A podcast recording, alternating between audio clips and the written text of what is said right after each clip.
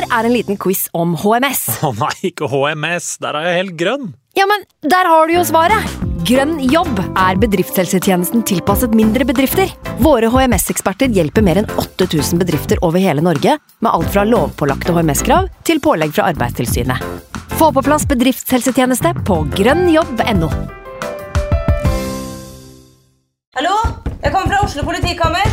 Ine Jansen er purk. Er du purk? The motherfucking bitch. Alt jeg vil, er å finne ut hva som skjedde med mannen min. Jon Carew. Er jeg sikta for noe? Iben Akeli. Det er du. Ole So, Lars Berrum og Big Daddy Karsten. Hvem sin side er du på, egentlig? Anette Hoff, Tone Danielsen, Kommer du fra Afrika? Jørnis Josef, Nesten. Kløfta. Trond Espen Seim, Det er synd å si det, men det var feil mann som døde. Purk. Premiere tirsdag på TV2 Play.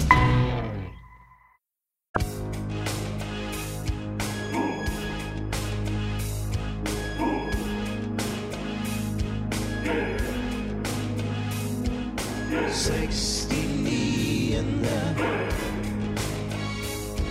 69. Den 69.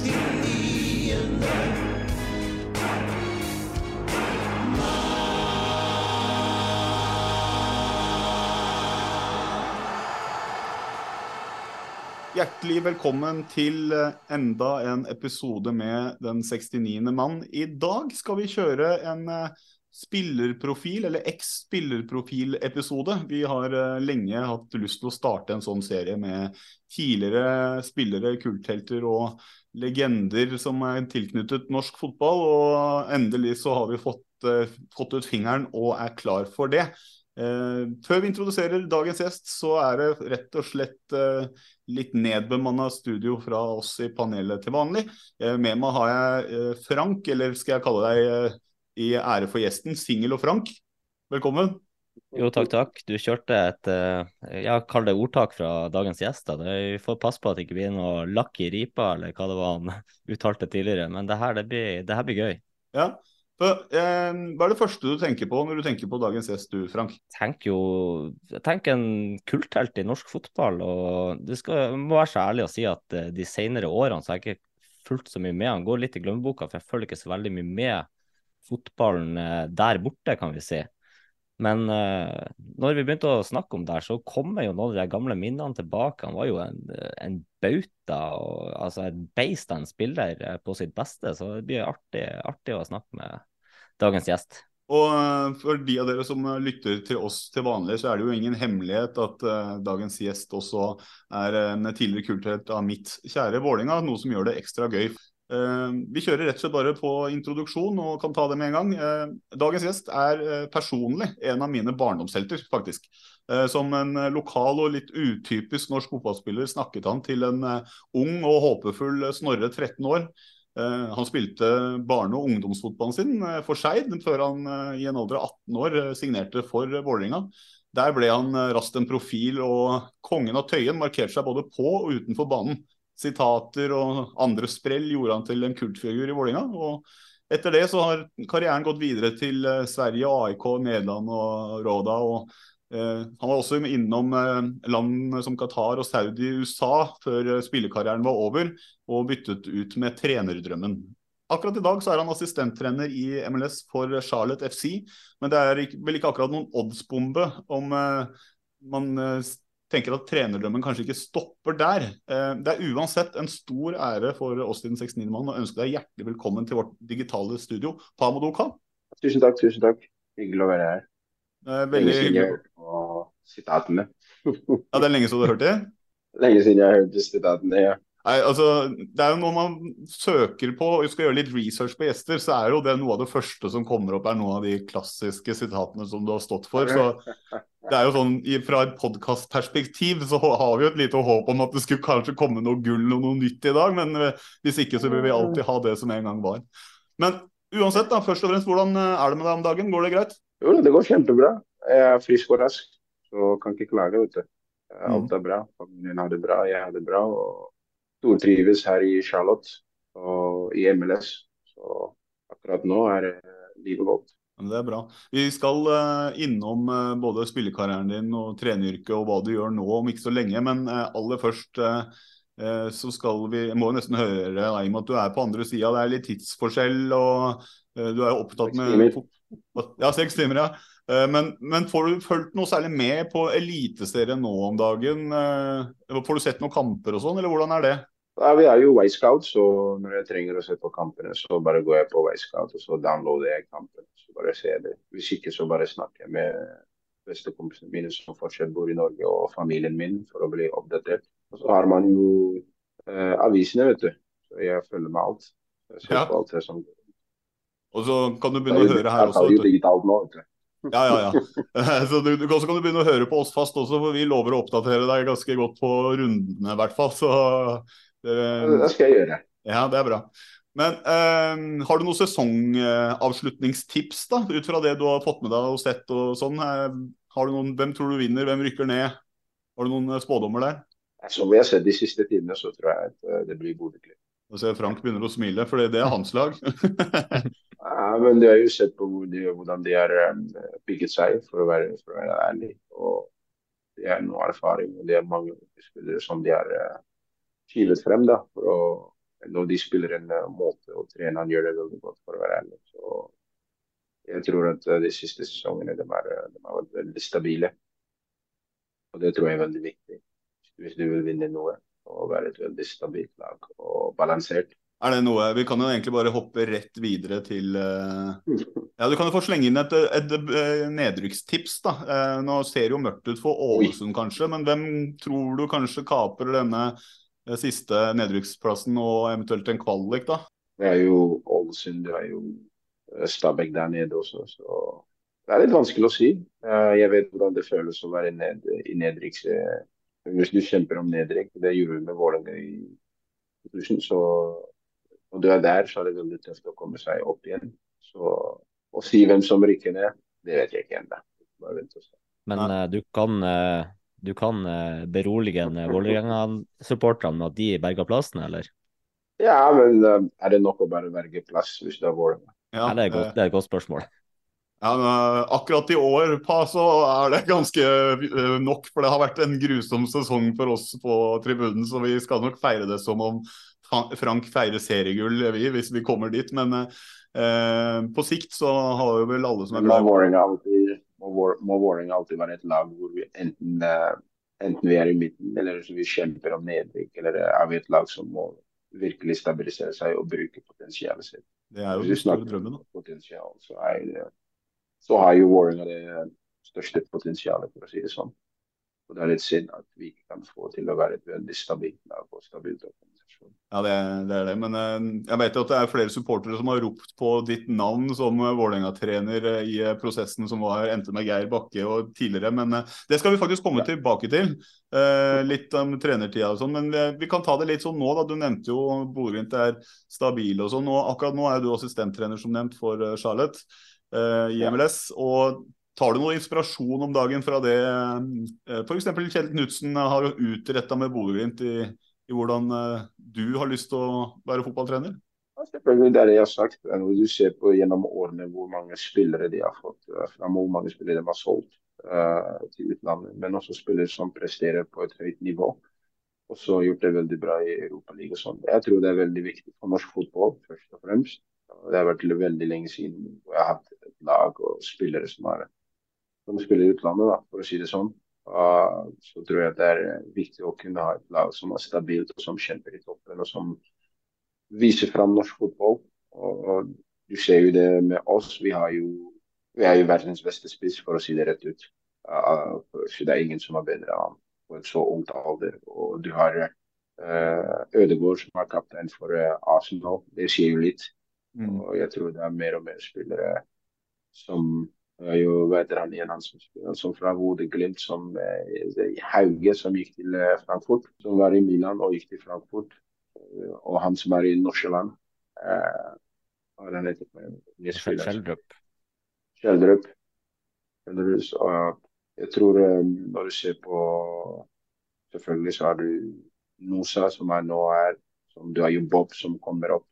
Jeg tror det er fantastisk å se at det er talenter som kommer opp i systemet vårt i Norge. Men jeg tror fortsatt at vi er litt langt å gå for å være et uh, lag i toppen, for å si det sånn. Og det viste seg nå i kvaliken.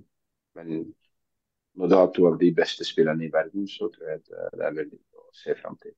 Kanskje landslaget savner en Pamadou Ka i bakre rekker. Det har vært diskutert litt om uh, at forsvars er en akilleshæl til Norge. Trenger man uh, å gjøre noe der, er det det? Trenger man å få inn litt uh, nye typer? Litt friskt blod? Det er vanskelig å si, vet du. fordi Hvis vi spiller med de spillerne som vi er, og de er de beste, så hva er forventningene? Og hva er, det, hva er det vi har i rekrutteringen? Under som kommer, hvem er det som kommer opp? Vi har jo Østegård som spiller nå i Napoli. Jeg liker han. helt Han er en veldig god spiller, og han har et veldig stort framtid. Jeg tror at å spille i Italia hjelper han veldig mye, eh, spesielt når det gjelder uh, hvordan, de går, hvordan, de tenker uh, en forsvarer må se ut. Så jeg tror at det er veldig uh, Fotball går i peak og daler. vet du, akkurat nå Hvis du ser på f.eks. Spania selv, hvordan Spania var og hvordan Spania er nå, er et, det er ikke det samme Spania, for å si det sånn. Mm. Så for oss er det, er det bare hva kan vi gjøre for å hjelpe talentene våre for å vises fram. Og hvis de spiller i Norge, så hjelper det å kunne spille i Europa. vet du, for Da får du også den erfaringen du trenger. og Når Ståle ringer dem, så er de klare for det. Men uh, akkurat nå så har vi to av de beste spillerne som spiller framover. Og defensivt sliter vi litt. Og før så var det at vi var sterke i forsvarsleddet og sleit litt i angrepet, eller på midtbanen. Men ja, det er mm. fotball, vet du.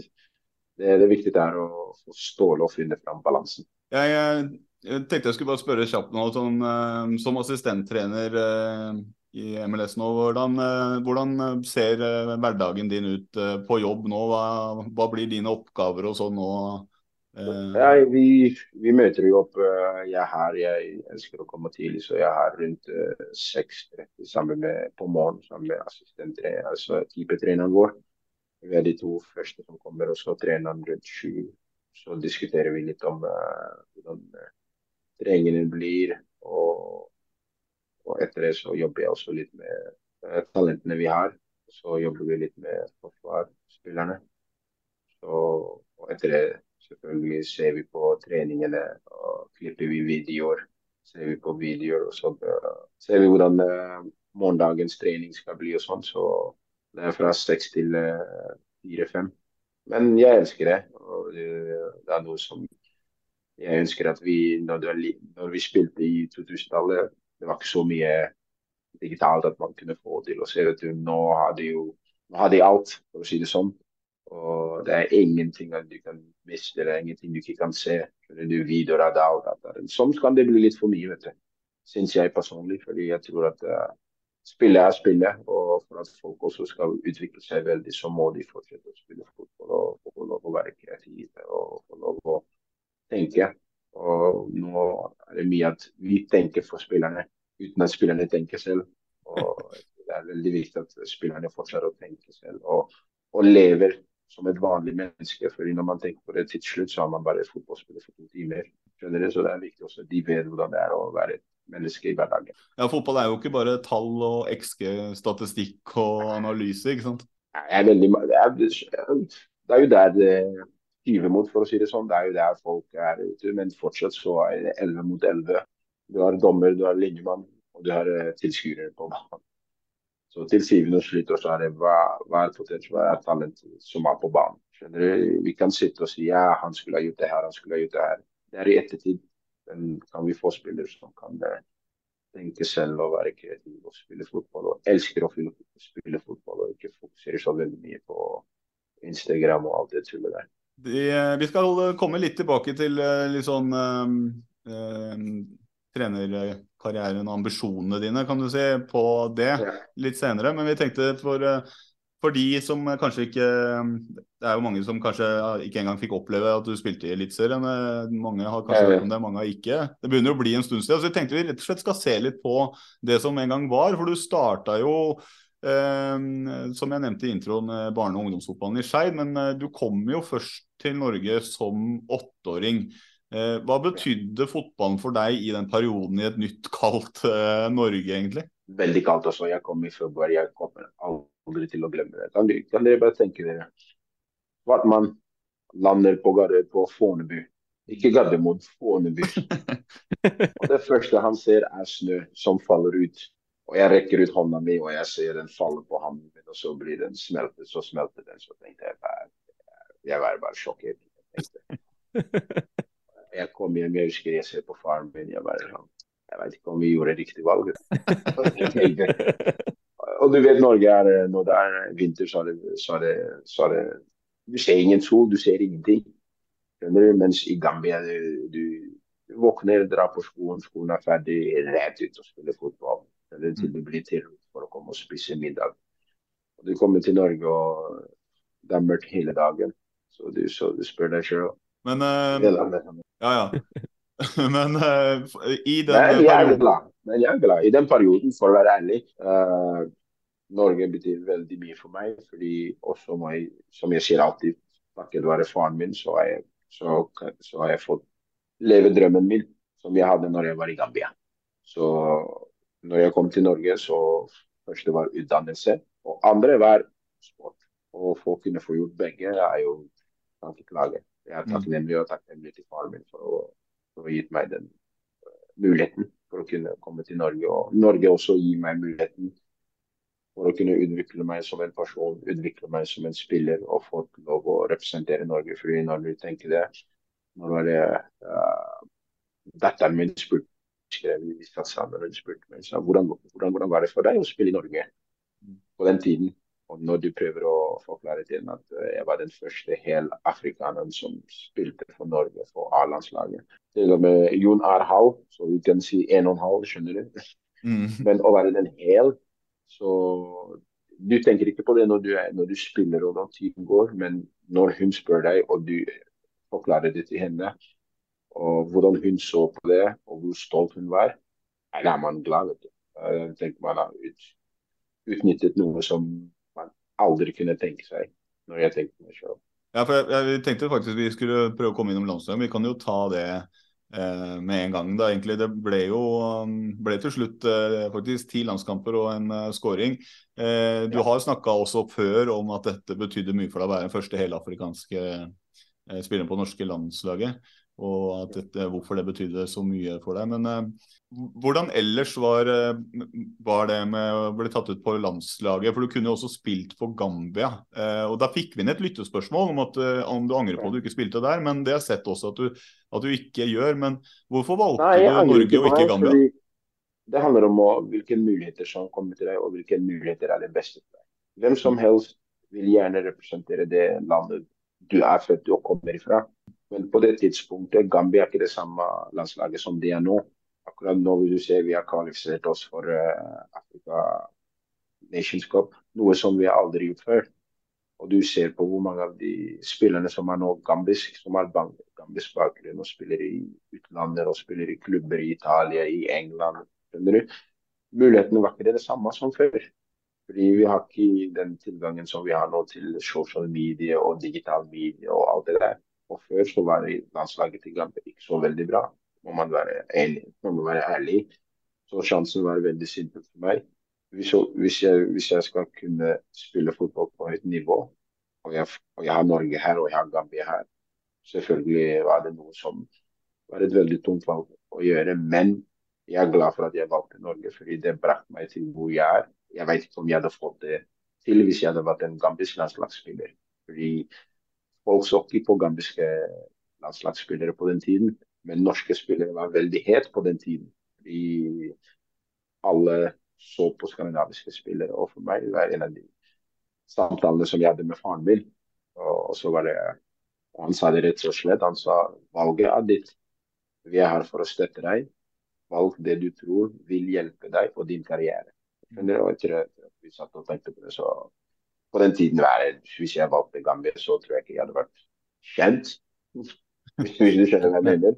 Ja. Men blir det da riktig å si at det valget du tok der, har kanskje åpna dørene for andre senere? F.eks. en Omar El Abdelaoue med en bakgrunn som plutselig bærer kapteinspinnet? Ser du, Nå skjønner du hvorfor Bodø-Glimt er på topp. vet du, for Han kommer med assist i bakgrunnen litt og her og der. Veldig bra Veldig bra gjort, Frank. Frank er, eh, Frank er en midtbanespiller. Men presis det, Frank, er at uh, pga. Uh, meg så har dørene åpnet. Og jeg vet ikke om vi Kanskje også pga. Jon, fordi vi må være ærlige også. Jon Carew, uh, Haldro, også Christer George. Uh, også på den tiden også som spilte på landslaget, som jeg spilte med i Skeid. Som jeg spilte med på landslaget. Um, Osman Nian, som på den tiden var uh, den første gambiske spilleren som, som spilte på Strømgodset, men uh, skjønner du, så han fikk uh, helt til.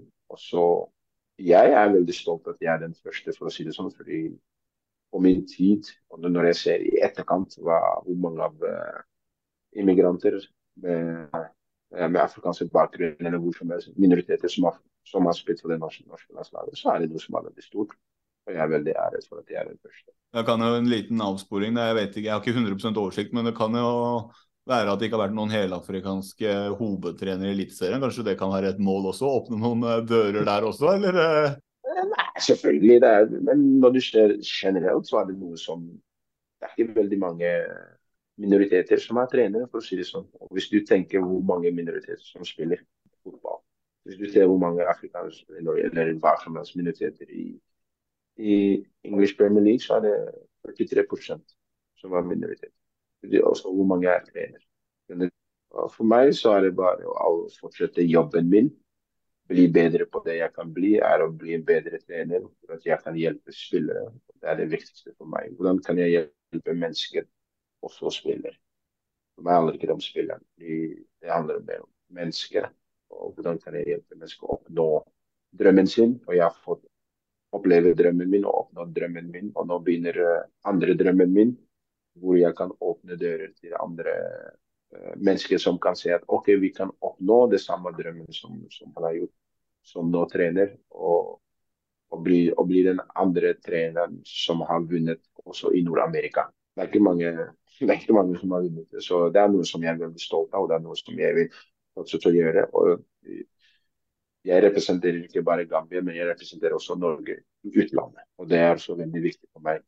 Og hvis jeg kan gjøre både mitt gambiske mennesker og mitt norske folk stolt, så er det det, er det eneste som gjelder for meg.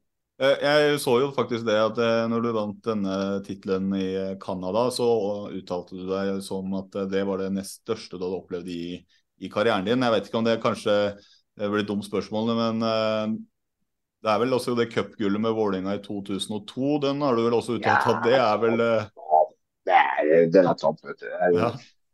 Hvis du bare tenker på det laget vi hadde, men også du tenker på to år før. Vi rykker ned, vi rykker opp. Uh, I 2001 vi spiller i første divisjon, og så rykker vi opp. Og så, det var ikke så mye forventninger til oss. Men uh, så må jeg være ærlig og gi Kjetil Rekdal og Geir Bakke ære, fordi vi bygde et veldig stabilt lag med erfaring og ungdommer i det laget. Hvis du ser på Stian Ord, eh, Tobias Gran, meg, Freddy. Eh, og så hadde du Tom Henning, så hadde du Bjørn Arild Levenes, Thomas Holm.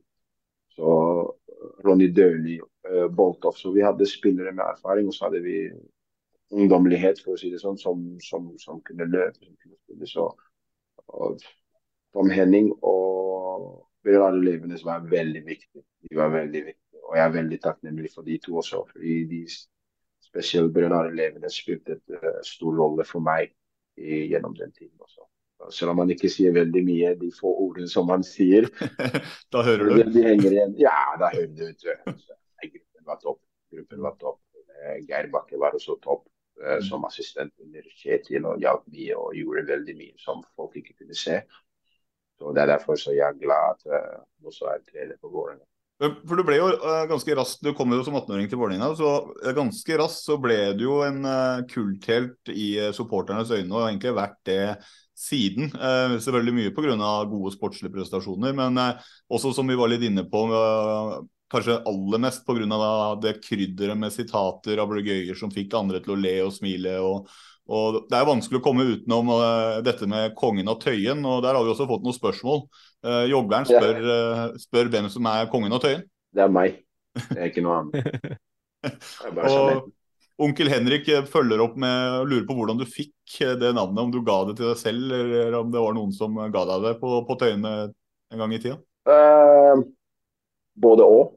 Og det som skjedde, var at um, jeg husker, um, hvis du husker uh, vår gamle uh, si materialforvalter, men uh, Lasse, som jobbet i Vålerenga.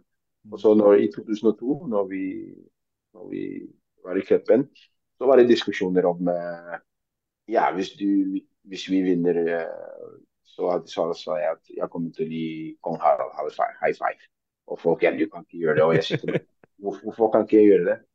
Han er et vanlig menneske. Han har et tittel, ja, men han er et vanlig menneske. Altså, jeg, jeg kommer aldri til å bøye meg for uh, andre mennesker. For når du, når, når du gir en hånd, så må du bøye huet ditt. Og jeg, jeg, jeg, sa nei. Så jeg kommer til å gi en high five, og de sier hvorfor. Det er sånn, han er kongen av Norge, men jeg er kongen av Tøyen. Dette er, det er her vi er. Så her er, her er vi. Så om han kommer til Ullevål Nei. Du fikk den high fiven, gjorde du ikke det? Jeg gikk high five. Hvis du ser på det. Jeg, Jeg tror du må være eneste som har fått en high five av kongen på Ullevål. Noen andre har gjort det. Fordi Når du ser på han etterpå, så er det et bilde av meg med Kjetil Tom Henning. Og måten han ser på meg, så tror jeg han ser på meg og sier til meg denne, denne mannen er gæren. Det er noe gærent. Du kan bare se det i øynene hans. Det er noe gærent med han. Det er ikke noe tvil om at uh, kongen av Tøyen og uh, sagaen om kongen av Tøyen lever jo i hvert fall videre den dag i dag. Man snakker jo fortsatt om det. Det, det har virkelig brent seg fast i uh, Vålerengas kultur og historie det, den, den tida der. Men du hadde jo et par andre Frank, du var innom det. Lakk i ripa. og Da er det en som spør Vålerenga-drakter. Kaller han seg på Twitter. Han spør hva mente du egentlig den gangen med lakk i ripa? For å være helt ærlig, hvem var det jeg satt med? Hvem var det jeg satt med? Jeg satt med Freddy Dos Santos og Lars Bovinen. Så det samme med Singel og Frank. Vi, vi drev og snakka om ja, har du, har du kjæreste og sånt. Og så Jeg veit ikke sjøl hvordan jeg kom til å si Singel og Frank. Og Frank og Singel. Det bare kom ut. bare kom. Ripe i lakken, så tror jeg det, Der er det med. Lakk i ripa, tror jeg du sa. Lakk i ripa, men hva er det man sier? Er ikke det ripe? Ripe i lakken, ja. Ripe i lakken, ja. Så jeg er noe sånt, Av og til så snur jeg på ordene. så, så jeg helt så, det, det er bare, bare det. Seriøst, det var ikke noe tankegang på ah, Nei. Det skaper jo Det litt bare- fin humor. kom. Ja, det bare, det, bare, det bare kom ut sånn som det kom ut. Og Av og til så skifter jeg på ordene, og jeg gjør det fortsatt. Og kona mi av og til ser på meg og bare tenker ah, det er hva du sier? Og så mitt spørsmål er forstår du? Hun sier ja, OK, topp, ferdig. Han her kongen hadde kanskje rett at du var litt gæren. ja. ja. ja. Ja, jeg, er fortsatt litt gæren, men det er på en god måte. Men nei, det, var det, det var sånn det var. Det var bare det vi satt i garderoben, og så bare, så bare kom det naturlig. Og så bare husker jeg at eh, Lars så på meg og bare begynte å le. Så gikk de og så henta de teip, og så begynte de å skrive det, og så teipet de det på, på plassen min. Hva annet brukte det, det Lars Bohinen brukte det når, når vi hadde litt eh, kontrakt eh, stått med når jeg ikke ville signere. Så, så sa han at han skulle komme ut med alle de ordene som, som, som jeg brukte. Og det var Men litt morsomt. du, Men du lot deg ikke presse, du, eh, av, Lars Bohinen? Nei, jeg lot meg ikke eh, presse av noen. Og for meg, som jeg alltid sa, var at jeg ville at Vålerenga alltid ville tjene penger på meg. Og jeg vet at når Rosenborg kom, så folk kunne si ja. Uh, var det riktig valg, var det feil valg? Men for meg så var det veldig, veldig simpelt. Jeg sa, til, jeg sa til meg jeg kommer aldri til å spille på et annet norsk lag på den tiden. Og jeg mente det. Og for meg så var Vålerenga det eneste laget jeg ville spille i i Norge. Folk kan si ja, du mista å spille Champions League, og det er ikke noe problem for meg. For meg var det veldig simpelt at jeg kunne ikke se meg sjøl komme og spille mot uh, Vålerenga. Jeg kunne ikke se for meg selv å kunne gjøre det. Og for meg var det bedre at, å gå ut av Norge. Ja. Det var, det, det, Fordi Vi skal, eh, kan ta turen videre ut av Norge straks, men bare eh, bortsett fra cupfinalen som et høydepunkt da, i 2002, Um, har du noe annet eh, sånt uh, solid minne fra den tida i Vålerenga? Uh, noe konkret eller en uh, historie? noe veldig skjedde? mye jeg minner fra Vålerenga. Jeg kommer alltid til å glemme det. Ja, veldig, veldig. Mm. Veldig mange minner. Jeg husker til og med når Jon var der, og det spørs hva dere vil vite. Det er veldig mange minner som vi hadde. Vi hadde det var aldri en dag hvor det var aldri en dag i Vålerenga hvor det var ikke noe. Det var, det var, var kål og kaos i Vålerenga på den tida også? Det var kaos. Det var kaos på den tiden. Rett og slett. Det var rett og slett kaos. Det var aldri en dag hvor du gikk og tenkte OK, i dag var det et fred. Jeg, Tobias Gran Tobias Gran er den beste. Er Tobias Gran er til du Ja, du vet, vi, du vet vi fortsatt synger om Tobias Gran under mitt Vålerenga, ikke sant? For du har hørt det? Ja. Man, jeg sa det til eh, Jonas eh, i en annen podd her, at man synger jo 'Du spiller for flere enn bare deg sjæl'. Så roper de som vil 'Tobias Gran'. Eh, var det noe for deg at han spilte mest for seg sjæl, eller var, det, var han egentlig oh, ja. lagspiller? Tobbe var en veldig spesiell eh, mann. En veldig fin mann, for å være helt ærlig. Fordi han hadde flere, og, og han var seg sjøl. Og jeg liker folk som er seg sjøl. Skjønner du? Eh, På banen så gjorde han av og til unødvendige ting, og ville kanskje drible for mye og sånn. Men det var han. Skjønner du? Av og til plutselig kommer han ja, I dag føler jeg meg som en brasilianer. Ja, da går han. Faen, hva så begynner han å drible. Skjønner du? Så det var veldig mye Så hadde du Stian Ord. eh, så hadde du meg. Vet du. Så det var eh, ja, det, var en veldig gøy tid, for å være slik. En av de beste tidene der. Også på ungdomslandslaget. Nei, sorry, på ungdomstiden så hadde vi treneren, eh, italiensk Donato Biaccio. For en kar. Takket være han så fikk jeg muligheten å spille på førstelaget. fordi han var jo, han var jo assistenten til uh, Løberg på den tiden. Så han snakket mye med Løberg. Så når jeg kom og så spilte litt på andre laget, så fikk jeg på U18, så fikk jeg muligheten gjennom Donato. Og så Mamadou Diallo, da. Nei, Jeg glemmer aldri det. Vi spilte mot dialo Diallo er uh, fin. Vi spilte mot Bislett, jeg tror mot Kongsvinger.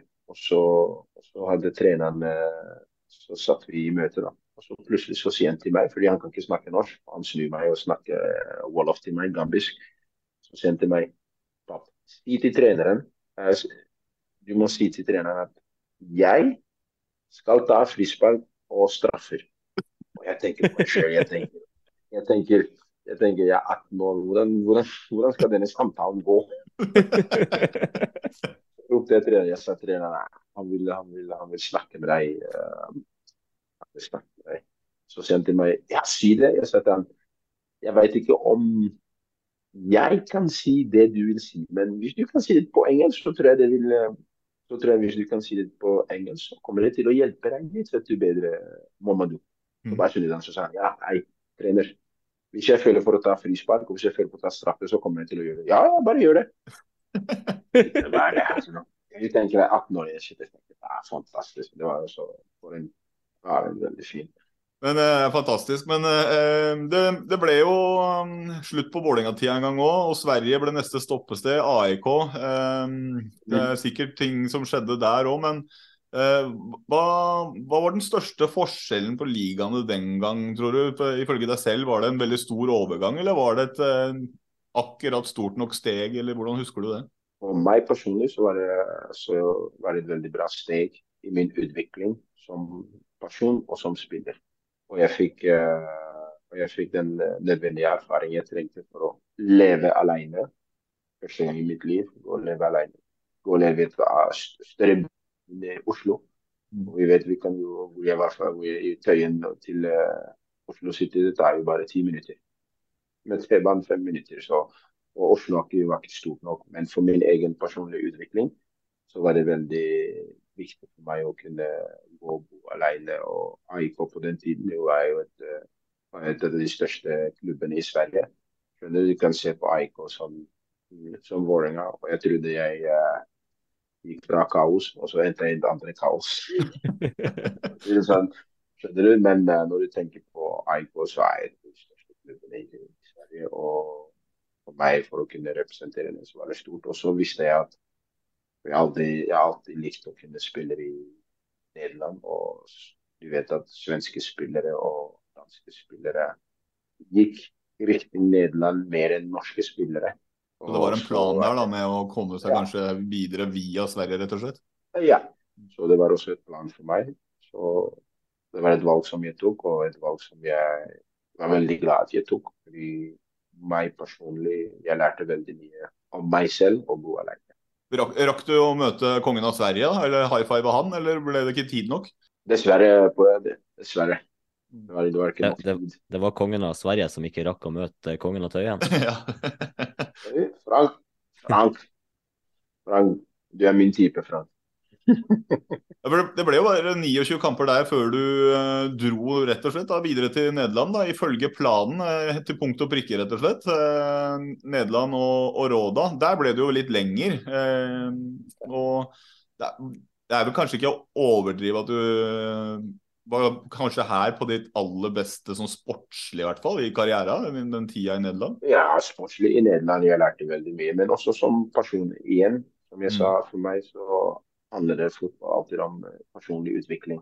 Og, og for meg, eh, OK, jeg gikk fra Norge hvor jeg hadde alle venner og alt. Jeg gikk til Sverige hvor jeg hadde også familie, for å si det. Jeg hadde også familie som jeg kunne Jeg hadde ne- nevøene mine der, jeg hadde kusiner. Så overgangen fra Norge til Sverige var ikke så stort på, på den siden. Men nå kommer du til et helt nytt land, helt nytt språk, helt andre type måte å spille fotball på, helt andre type måte å lære å være profesjonell. Så for meg så var det topp topp. Nederland Jeg lærte veldig mye fotball i Nederland. Og jeg lærte veldig mye utenfor banen også. Hvordan å være hvordan å være uh, Hvordan å leve daglig som et proff. Så jeg er veldig takknemlig. Fordi eh, Fram til da i karrieren så hadde jo det vært eh, egentlig gått oppover og oppover til du dro til Nederland. Men eh, du eh, fikk jo også smake på hvor brutalt livet kan være når du var i Nederland. Det var jo en, eh, Yep. en stygg ulykke hvor du mista din eh, daværende kjæreste i en bilulykke du selv var i. Ja, ja. Hvordan var- det kan jeg bare spørre om det, hvordan var det å være liksom fotballspiller og skal leve av prestasjoner og så oppleve noe sånt oppi det? Nei, det vet du, det er på den andre siden av man som mennesker man ikke ser en fotballspiller. Fordi for eksempel folk bare ser og hører uh, hva de gjør på banen, og av og til noen ting som ikke er veldig godt på banen. Men for meg så livet var jo godt, for å si det ærlig. Jeg har aldri hatt kjempe, kjempemotgang, for å si det sånn, Uh, gjennom livet, gjennom fotballen. Jeg tror det er et av de største, de største motgangene jeg noen gang har hatt i mitt liv.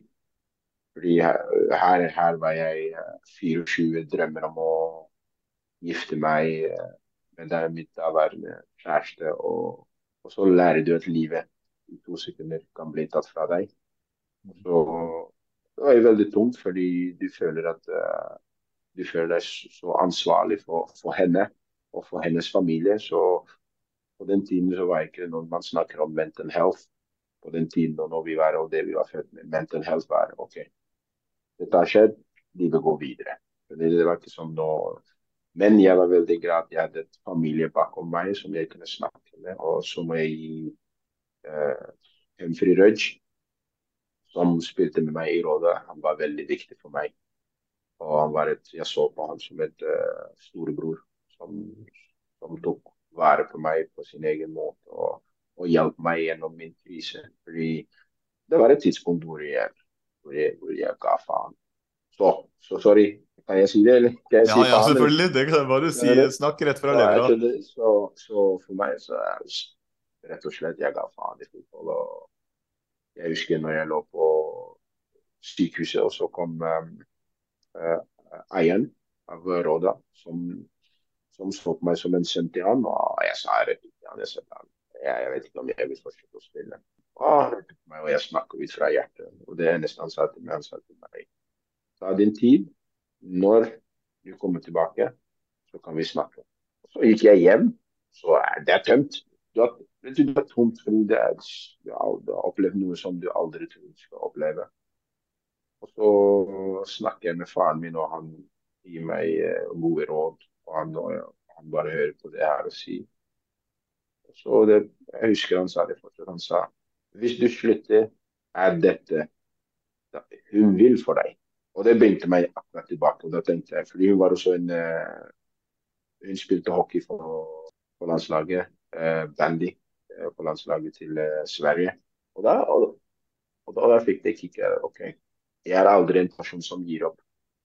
Men når jeg, når jeg, når jeg er på vei til å gi opp min drøm, og så gi opp, opp en person som vil gjerne se meg lykkes. Og, og, og, og, da, og da snudde jeg på inngangen min, og fra det sa jeg OK, jeg skal gjøre alt for å lykkes, men også forstå at livet kan bare kan, Jeg tror på den tiden, for å være ærlig. Jeg spilte bort Ikke spilte bort, men jeg spilte bort bare et verk, Jeg tror jeg 200 000 norske kroner rett ut. Uten å vite hva jeg det til. Rett og slett. Uten å vite hva jeg brukte. En måned. En måneds tid. Pape. Såpass. Et hovedgård. Ja. Mm. Mm. En måneds tid. En måneds tid. Mm. Jeg husker jeg sa en gang så var så jeg så, oh, Skjønner du? Så Det der, er- det ble det der er jo tid, men Det der er jo veldig interessant. for Nå nå i dag er jo mental helse mer i Ja. Noe vi snakker mer om, da. Og det å kanskje gjemme seg bort i gambling er kanskje noe som bare får tankene til å vandre, så man slipper å tenke på det onde man har i livet. Ja. Men det er det jeg sier, fordi det er veldig viktig. Når du ser på det presset som er nå, det er ikke det, det, er ikke det samme presset som var før.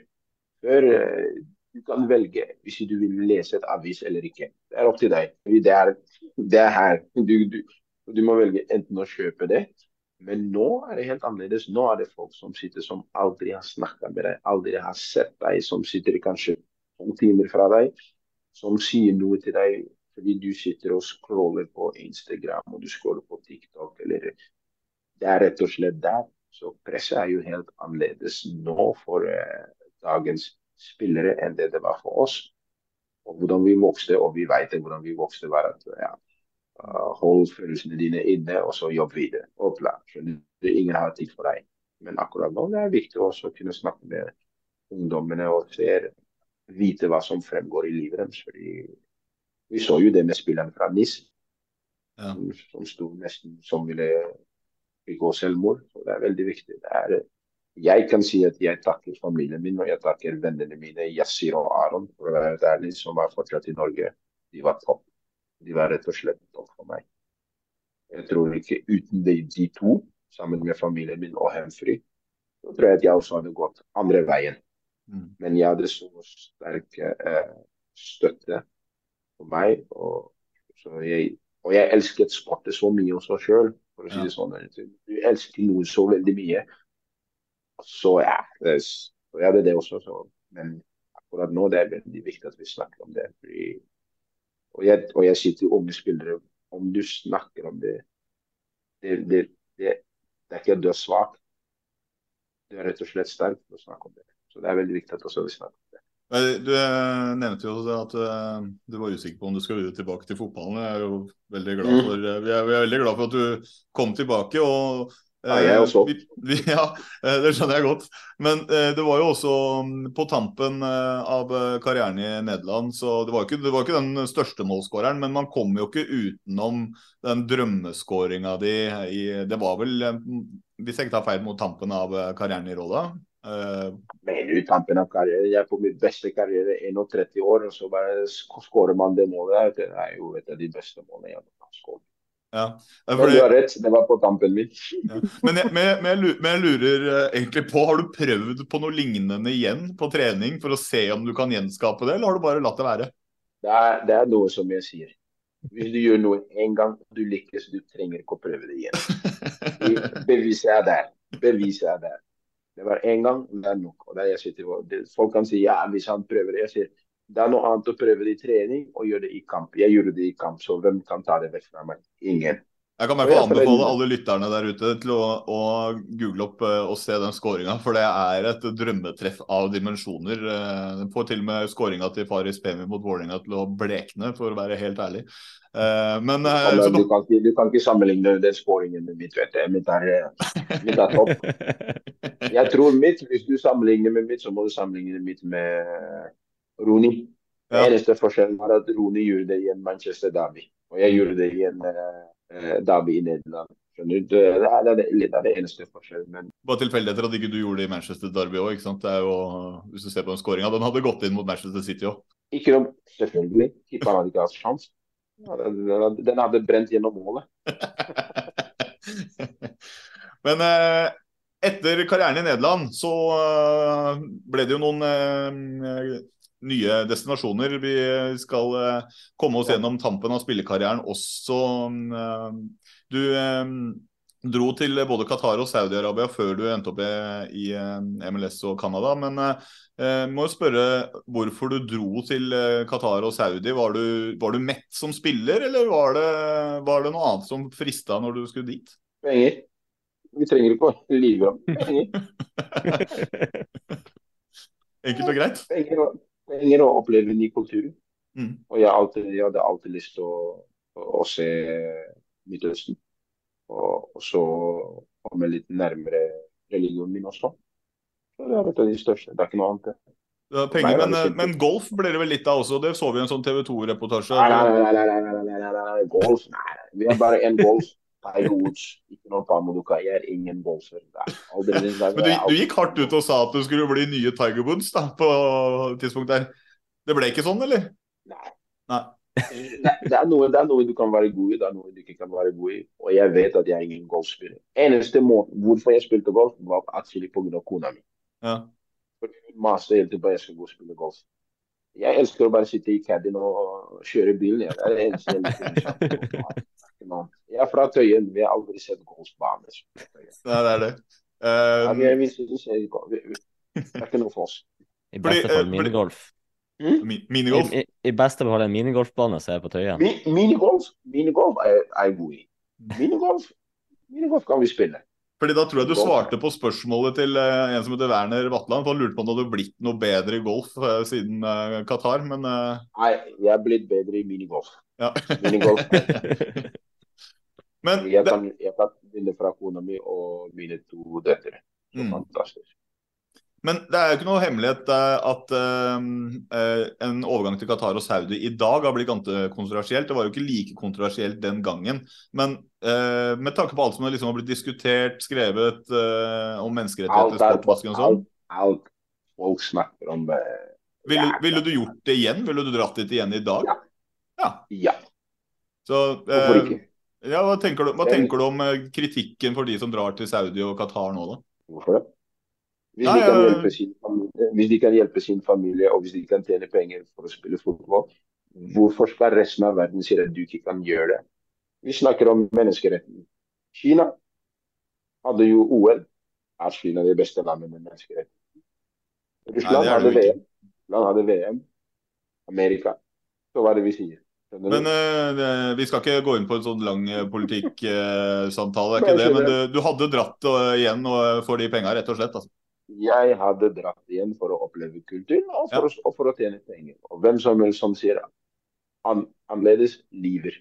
Det er rett og slett sant. Ja. Hvis du kan få, hvis du kan få en milliard, Mm. kommer du til å si nei fordi du tenker ja, vet du hva, hva andre folk sier. Jeg, jeg liker jo å tro at uh, jeg hadde sagt uh, nei til eh, penger for å dra dit, men jeg er jo aldri vært i en posisjon hvor jeg har blitt tilbudt det, så det er veldig lett for meg å sitte på min høye hest der og si at jeg ikke ville gjort det. Uh, Men jeg jeg, er jo, jeg, jeg liker å leve i trua, da, i hvert fall på at jeg, at jeg kanskje hadde hatt noe sånn integritet hvis jeg kritiserer noen som gjør det. At jeg, at hadde, Snorre, Ja. Snorre, hvis man setter fram en kontrakt foran deg og sier til deg du kan tjene 200 millioner dollar Altså, femtedivisjonsspilleren femte Frank hadde gjort det. Skjønner du? Så, så folk, kan, folk kan si så, ja, men ja. Nei. Det er det samme hvis Russland Hvor mange ganger har Russland tilbudt folk penger? Du drar Kina. Kina var jo, et, eh, Kina var jo i gang med å gjøre det. det man, man kan si om menneskerettigheten. Jeg forstår det, og jeg skjønner det. Men vi må ikke også glemme at andre land gjør samme ting. Men det blir aldri snakka om. Men hvis fotballspillere gjør det, vi, vi må vise høy moral. Jobben vår er å spille fotball. Jobben vår er å sørge for at når karrieren vår er ferdig, det vil være en veldig kort karriere, vi kan sørge for familiene våre. Og hvis ikke vi tar pengene, så ser folk se på han idioten. Hvorfor gikk han ikke og tok pengene? Han kunne hjelpe oss. du mener man kan ikke vinne med folk? Du kan aldri vinne noe. Mm. Og det eneste du kan vinne i hva du sjøl føler er riktig for deg og din familie. Men det, det slutta jo ikke i Qatar og Saudi og sånn. Du dro jo videre til uh, i litt eh, trakter hvor du er nå. Det har jo skjedd mye borte i, uh, over dammen i statene og Canada også. Vi var ja. inne på det. eh, eh, med trener eh, i Canada med seriegull der. Men du jo, fikk jo også avslutte karrieren som spiller i bl.a. Portland Timbers og Vancouver Whitecaps. Og, eh, hvordan var nivået på, på MLS på den tida da? Var det, var det, var det høyt? Var det, hva vil du si om det da? Det var høyt, men det er høyere nå. Det er høyere nå? Det var høyt på den tiden, men det er høyere nå. Men Sammenligna med Sverige Norge på den tida du var aktiv, da, hva vil du si da? Ja, når jeg kom 2013 til 2016, eh, så, var, så begynte ligaen å komme seg litt om eh, på et høyere nivå, for å si det sånn. Så når jeg ser på den vi spilte, det var fortsatt et godt nivå, men nå er det enda høyere. Så jeg tror noen av lagene på den tiden eh, så tror jeg noen av lagene har gjort seg veldig bra i Norge når jeg spilte for Portland Timbers, det laget vi hadde i Portland Timbers i 2013, kunne ha gjort det veldig godt i Norge. Helt ærlig. Vi kunne, vi kunne ha kjempet i toppen. For det, er, det er ikke mange som ser det. vet du. Og når du ikke ser noe, og ikke blir snakket om noe, så har man ikke en uh, bilde på hvordan det er. Men uh, Jan Gunnar Skåli har spilt der, så han vet også hvor umulig det er, og, og hvor vanskelig det er å vinne, fordi alle har jo samme eh, budsjett. Og det største budsjettet det. Er ikke at man City kan, kan gå inn og bytte alle 100 minutter. Men uh, det er jo ikke den ligaen som kanskje jeg tror er mest kjent for uh, fotballglade nordmenn. Er det noe du kan fortelle oss om MLS som du tror kanskje ikke folk er klar over eller vet? Altså nivå, supportere, et eller annet sånt som, som er ja, Ta eksempel bare supportere. Vi når jeg spilte for uh, Portland Timbers, og vi spilte mot Seattle Sounders, Derby Game, ja? Mm. en eftermiddag 60 000. 67 000. Og tilskuersnittet her er eh, rundt 30 000. På Portland uh, Timers?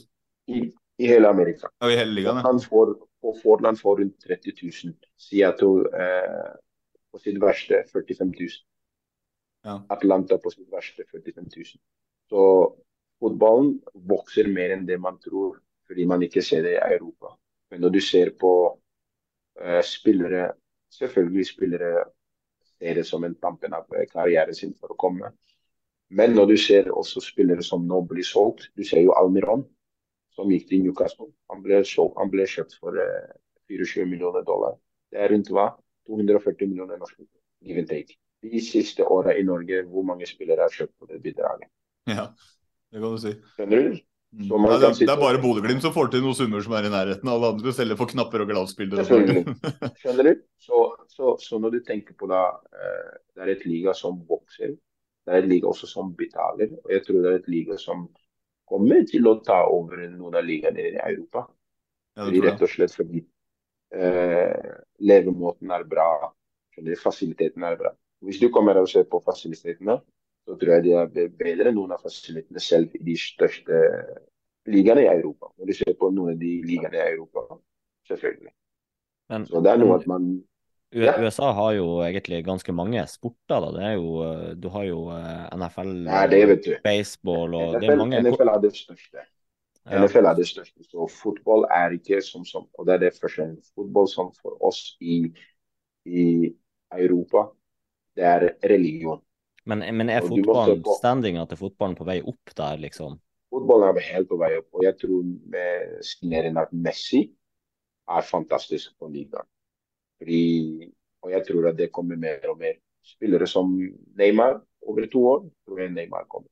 Men Er det litt strategen eh, Pamo Doka som eh, ja. ser at fotballen er på vei opp, som ser at hvis jeg er i MLS nå, får erfaring, assistent, kanskje hovedtrener der, at det er, er du, Tenker du litt sånn strategisk når du ser at ja. Eh, fotballen er i vekst? Det har alltid vært selvfølgelig, det har alltid vært sånn som jeg sa, jeg har alltid tenkt på det slik. fordi som jeg sa til dere fra begynnelsen, er at ja, jeg observerer mye som folk ser meg som en annerledes. Jeg observerer mye, jeg tenker mye.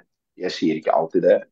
Og folk har kanskje kjent bare en side av meg som, er, eh, som elsker å ha det gøy, som elsker å, å tulle litt. Men jeg har en seriøs side hvor jeg også observerer og tenker mye og planlegger i framtiden. Og pga. mitt uh, Jeg elsker sport. Og når jeg ser på verden Jeg visste at å være trener i Europa, det er null. Rett og slett. Det er ikke mange av oss svarte som får uh, sjansen. Å komme her, så så jeg det som en mulighet å kunne utvikle meg, fordi jeg så et sport som var en trend i å vokse.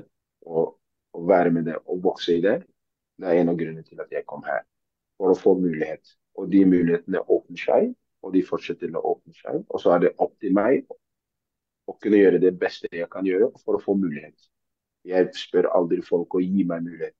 Jeg spør folk bare, bare se hva jeg kan tilby. Vi snakker om det. Og hvis jeg er den rette for deg, så er jeg rette for deg. Hvis ikke, ikke noe problem. Jeg fortsetter å jobbe.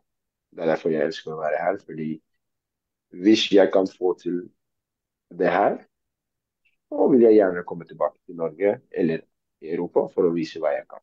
Hva er det ultimate målet frem i tid da, for deg som trener? Det har alltid vært mål.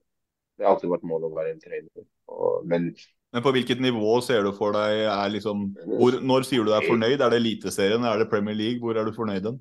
Jeg er fornøyd så lenge jeg kan utvikle spillere. Uansett nivå? Jeg kan si ja, uansett nivå. Fordi jeg elsker fotball.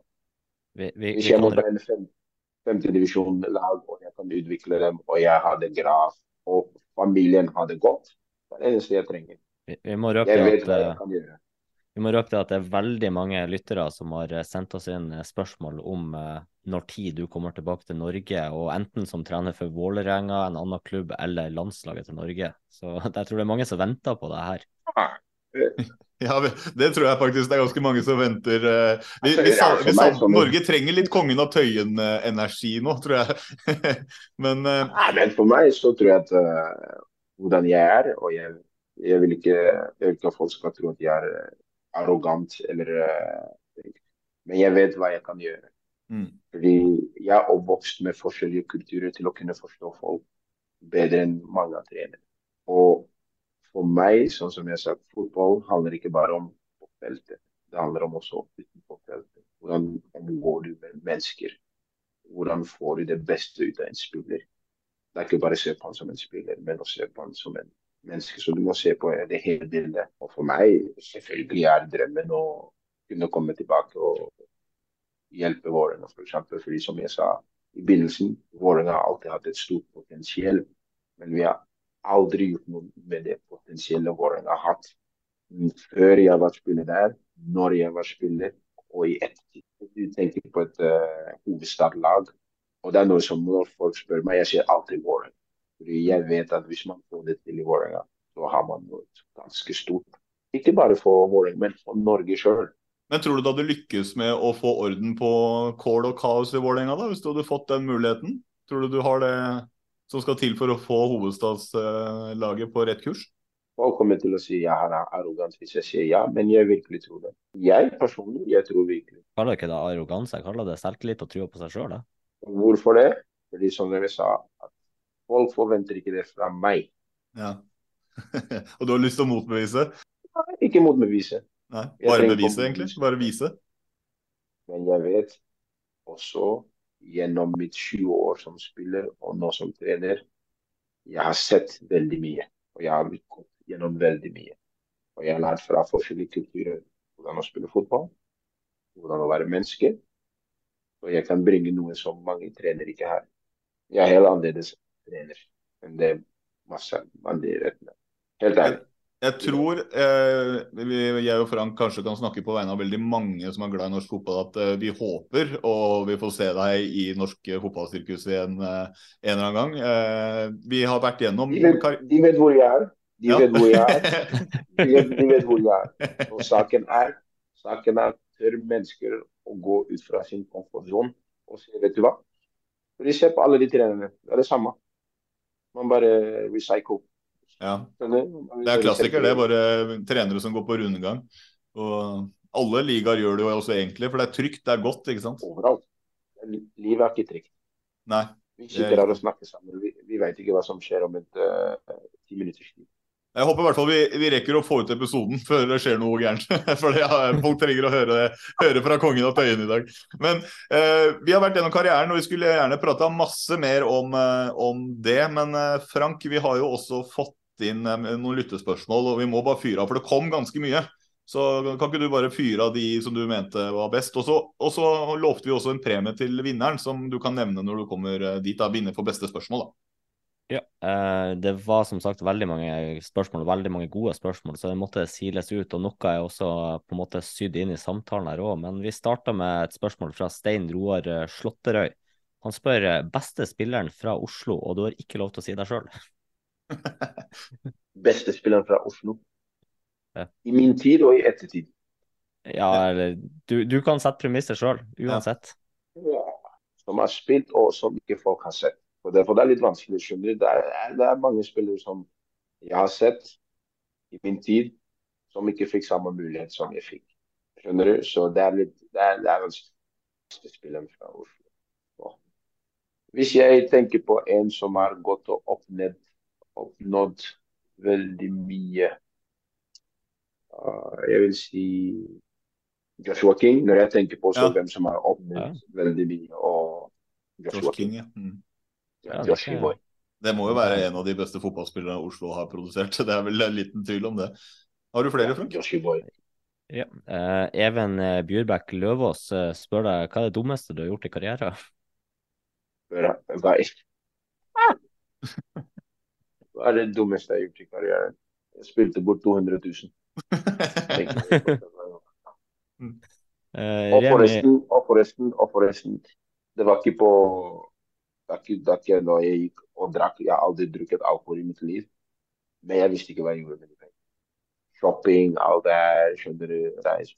Remi Sjøbakk eh, spør eh, beste spilleren du har bytta drakt med, og Erik Kintz spør beste med- og motspiller i karrieren. Uff. En spiller som jeg har eh, som jeg er veldig glad for å ha sett, opplevd og trent med, Paul Scholes. Hvor var, det du, hvor var det du spilte og trente med han? I United, når jeg gikk til United. Jeg var der for, eh, for eh, en måned. Mm. Det er lenge siden, vet du. Folk glemmer det her. vet du. Det var Ja. rett etter at jeg tror det var rett etter at de vant uh, Var ikke du på prøvespill her to ganger? Ja, Ja. sant det. Det har jeg helt glemt, ja. Ja, ser på det, kom on, Snorre. Du vet ikke Ja, ja, men altså? Er Men jeg også begynner å bli gammel, altså det, ting setter ikke like godt lenger. ikke sant? Det er ikke det, vet du. Det er helt ærlig, vet du. Så Paul Scholes, hvem det er som har spilt mot Mamma Mia. Du har møtt noen stjerner, du òg. Det er det, vet du. Uh, Bis, Bis, Luis Suárez, Ja, du møtte han i Nederland, ja. Luis, Klaas-Jan Huntelaar, Zlatan, Derek Kate, Solomon Kalou, Henry Nei, jeg er mange. Det er, det, er, det er veldig mange. Det høres nesten ut som svar på neste spørsmål, da, Frank. Martin eh, Daae spør om du kan sette opp et five-a-side-lag med spillere du har spilt med. Spillere jeg har spilt med, Five-a-side? Ja, du kan velge sjøl om du vil være trener for det laget, eller om du vil spille på laget sjøl. Og spille, spille, spille. Ja, men eh, hvis du skulle satt opp en eh, Ka K Allstar five-a-side-lag, da, som, eh, som du skulle spilt five-a-side med hvis du fikk lov? Hvis jeg fikk lov å spille five-side, så som jeg sa, Paul Scholes er inn der. Spilt med eller trent med, for det er litt forskjellig ute. Jeg hadde ikke æren å spille med han i en kamp, men jeg hadde æren å trene med han. Så Mm. der får jeg få lov å si han. Ja, ja. Ja, ja, ja, du kan velge eh, Ja, jeg får lov å si han. Ja, ja. Ok, topp. Uh, keeper, Donovan Ricketts, som spilte for Jamaica. eh, over 100 landskamper. Topp, topp. En God keeper. Eh, selvfølgelig meg, midtforsvarer. Uh, Paul Scholes. En andre spiller som jeg tror er topp, som har spilt for eh, USA. Eh, men som i mine øyne er en av de beste spillerne som har spilt av Darlington Nagby. I Europa, uh, Derek Boateng, som har spilt for Ghana. eh, VM 2006, VM 2010. Der jeg var Boateng, topp, topp midtbanespiller. Uh, spiss. Åh! Bare sett eh, poteten Freddy på topp nå, Jørgen. Nei, nei, Freddy er på benken. vet. Freddy kommer inn. Freddy må dra fram. Når jeg tenker five-side-teknikk, så Anwar Hadouir, som jeg spilte med i Nederland, topp, topp teknikker. Uh, det er ikke så vanskelig. vet du. Jeg vet ikke er det noen en spiss som kunne skåre mål som Huntelaar eller som uh, Zlatan. Jeg må nesten gå med Hvis du ser trening, så ser jeg Dwight York. Yes. Neste spørsmål. Eh, Max Nilsen spør eh, savner du norsk sjokolade og vafler. Eh, KitKat eller Ja! Quick, quick Lunch? Yes, quick lunch. Quick lunch fra meg hele tiden. Det er utrolig. Quick lunch. Fordi de mobber meg her hele tiden, vet du, fordi de sier kutt lunsjen KitKat. Men jeg sier til dem nei, det må, det, vi må ikke ha den samtalen. KitKat smaker smake fisk. Men uh, kutt lunsj. Vafler uh, Kona mi lager vafler, vet du. Vi lager vafler hjemme. Uh, barna mine. Vafler. Øl, eh, lesbe. Det er viktig, vet du, med litt uh, Men får du tak i Kvikk Lunsj der borte? Er det noen som sender deg Kvikk Lunsj, eller? Får du tak i? Derfor man har, har vet du, og brødre. Ja. Da og, og når de kommer, vet du, når de kommer er det første jeg sier, jeg sier hvis du kommer og du ikke bringer noe, jeg sender deg tilbake. Bamse, moms eller Quick Lunch. Og hvis det første, og med en gang de kommer, er ikke hei, hvordan går det med deg? Det er hvor er bamsemomsen min eller Quick Lunch? Og moren min glemte det en gang, faktisk. Dere tror at jeg kødder. Jeg kødder ikke. Moren min glemte det en gang. Og, og kona mi så på meg som om det er verdens ende. Jeg snakka ikke med moren min på en dag. Hele dagen. Vi snakka ikke sammen. Neste, neste spørsmål er faktisk den vi har kåra til eh, dagens spørsmålsvinner. Det er Olai Årdal. Han spør hva tenker han om alle ekspertene i sosiale medier som gang på gang skal fortelle alt vi gjør feil, og hakke på spillere igjen og igjen? Vil dere virkelig vite mitt svar? Ja, vi, vi, vi tar det gjerne. Tull og tøys. Vi, vi er vel egentlig enige. nei. Nei, men skjønner du hvorfor jeg sier det? Det er veldig simpelt. Ok, du har betalt for å snakke om eh, sporten, for å snakke om fotball. Men altså, du må putte, du må putte litt nyanse inn i det. Fordi hvis Jeg ser alltid mange av de fotballekspertene. Har de spilt på et høyt nivå? Har de vært trenere selv? Det er grunnen hvorfor de ikke jobber til daglig med fotball. Det er en grunn hvorfor de vil være eksperter, sitte og snakke om noe. Jeg forstår at du må gi din mening, men jeg forstår også at du må forstå ok, hvis en spiller gjør noe, så forstår du som av og til hvis du har spilt hvorfor en spiller har gjort noe. Men hele tiden å hakke på spillerne og hakke på det, for meg er det bare tull og tøys. Hvis du vil gjøre noe, gå og hjelp spilleren, da. Gjør han bedre. Absolutt. Neste spørsmål er fra Erik Næss eh, Onsdag. Eh, noe som irriterer meg grenseløst. Løst. Alle spillere freder en trener som ikke får resultater. Hvorfor er det slik? Tenker de kun på seg selv og plassen sin på laget under gitte trenere? Selvfølgelig. Nei, vi har jo vært spillere. Selvfølgelig. Du tenker ok, hvis det er en trener som passer deg, en trener som liker deg, så er jo sjansen større på at du kanskje spiller. Det er derfor for meg det er veldig viktig at jeg alltid sagt til spillerne mine at det eneste som teller, er laget. Du er her for å gjøre et jobb på et lag. Du er ikke her for å like meg, men vi er her for å respektere hverandre og jobbe hardt for laget. Laget kommer alltid først. Fordi fotball er også et individuelt sport, men det er et lagsport.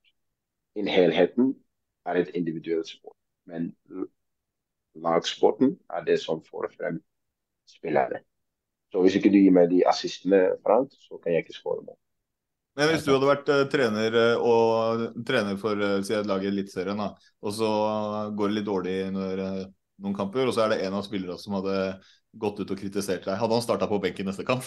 Nei, hvis ikke, hvis ikke han gjør jobben sin, så skal han starte på benken. Så skal han starte på benken fordi han kritiserer meg. Det kommer ikke så langt. Fordi jeg lar dem være hvem de er. Så hvis de har noe å si, kom. Vi snakker sammen som voksne mennesker. Vi kan være enige og uenige, men det eneste som teller, er hva gjør vi for å hjelpe laget. Det handler ikke om meg. Jeg har fått oppleve fotball, jeg har spilt 20 år.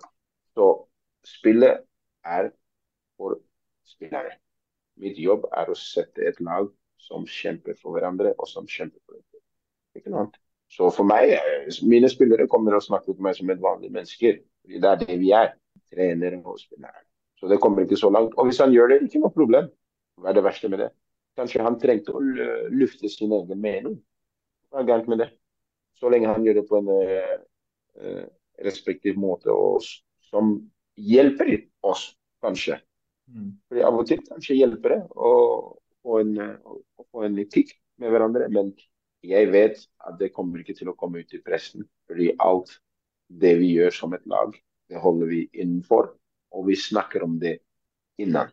Siste spørsmålet. Steffen Sandeide spør, eller han håper vel kanskje å få deg ut på Han spør om å få en morsom historie fra en treningsleir. Hvis du har noe du har lyst til å dele med oss? Ja, du vet, det er eh, brutale ting at man må bare holde, seg, holde det for seg sjøl. Skjønner du? Det er, det er eh, Vi får ikke noe ut av det her. alt, alt det som skjer, eller har skjedd i en treningsleir for meg, det er der det blir.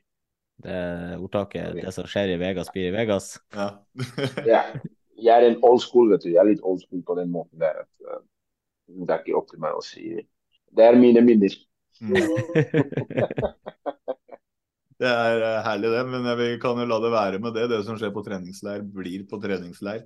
Det var uh, det vi hadde planlagt, og det vi egentlig rakk med den tida vi hadde. Det, først og fremst så må jeg takke deg, Pa, for at du tok deg tid til å prate med to glade amatører som sitter i Norge og hutrer på høsten.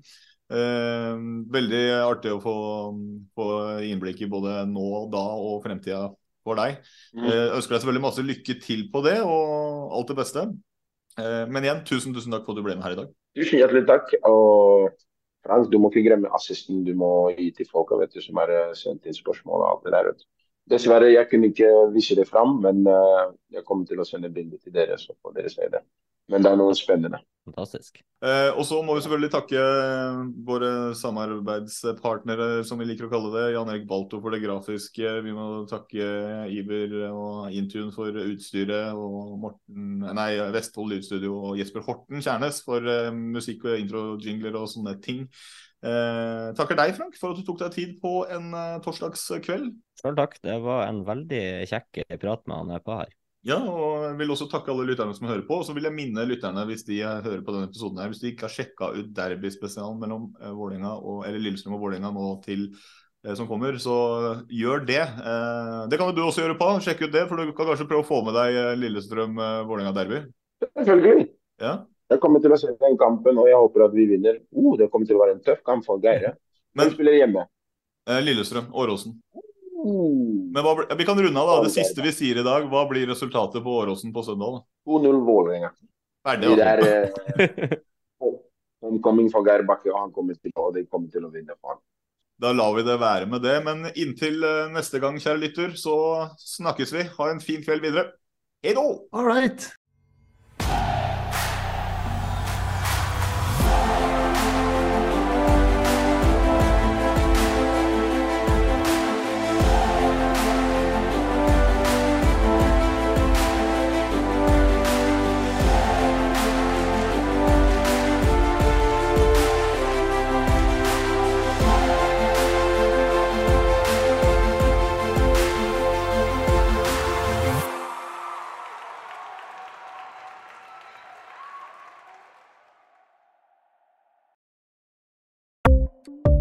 Ukens annonsør er HelloFresh. HelloFresh er verdens ledende matkasseleverandør og kan være redningen i en travel hverdag. Mange av oss har nok vandret i butikken både sultne og uten en plan for middagen, som ender med at vi går for de samme kjedelige rettene gang på gang. Middag burde være dagens høydepunkt. Som HelloFresh kan du nå velge mellom 25 ulike retter hver eneste uke, eller få HelloFresh til å sette sammen menyen for deg. Dette gir deg muligheten til å prøve nye og spennende retter alene eller sammen med familien. Du velger antall porsjoner og får alt levert på døren på et tidspunkt som passer for deg. Oppskriftene er enkle, og maten er lett å lage både for store og for små. Ved å få alt levert hjem får du også mer tid til å dele matgleden med familie og venner. Kanskje det frister med asiatiske tacos eller greskinspirert kylling? Da kan jeg anbefale deg om å gå inn på hellofresh.no. Her kan du bruke koden FOTBALL og få opptil 1779 kroner i rabatt på de første fem matkastene hvis du ikke har prøvd HelloFresh tidligere. Du kan også bruke rabatten hvis du har vært kunde og stoppet abonnementet ditt for tolv måneder siden eller lengre. Gå inn på hellofresh.no og bruk koden FOTBALL. Ukens annonsør er Folio, en smartere banktjeneste for deg som har en egen bedrift eller ønsker å starte for deg selv. Folio er en superenkel nettbank for bedrifter. Som kunde i Folio får du en bedriftskonto med et bedriftskort og app. I denne appen er det smarte løsninger som forenkler regnskapet ditt, uansett om du har en liten bedrift eller et enkeltpersonsforetak. Folio er både intuitivt og brukervennlig, og er laget med et enkelt språk. I tillegg tilbyr de forutsigbare priser og ingen skjulte gebyrer. Skulle du likevel trenge det, så kan du snakke med deres raske og hyggelige kundeservice, og der får du prate med en faktisk person og ikke en chatbot. Folio er med andre ord både enklere og koseligere enn banken. Over 10 000 bedrifter har allerede valgt Folio som sin banktjeneste, så besøk folio.no og se hvordan Folio kan forenkle din hverdag også. Har du et enkeltpersonforetak eller en liten bedrift? Da er du sikkert lei av å høre meg snakke om hvor enkelt det er med kvitteringer og bilag i fiken, så vi eh, gir oss her, vi. Fordi vi liker enkelt. Fiken superenkelt regnskap.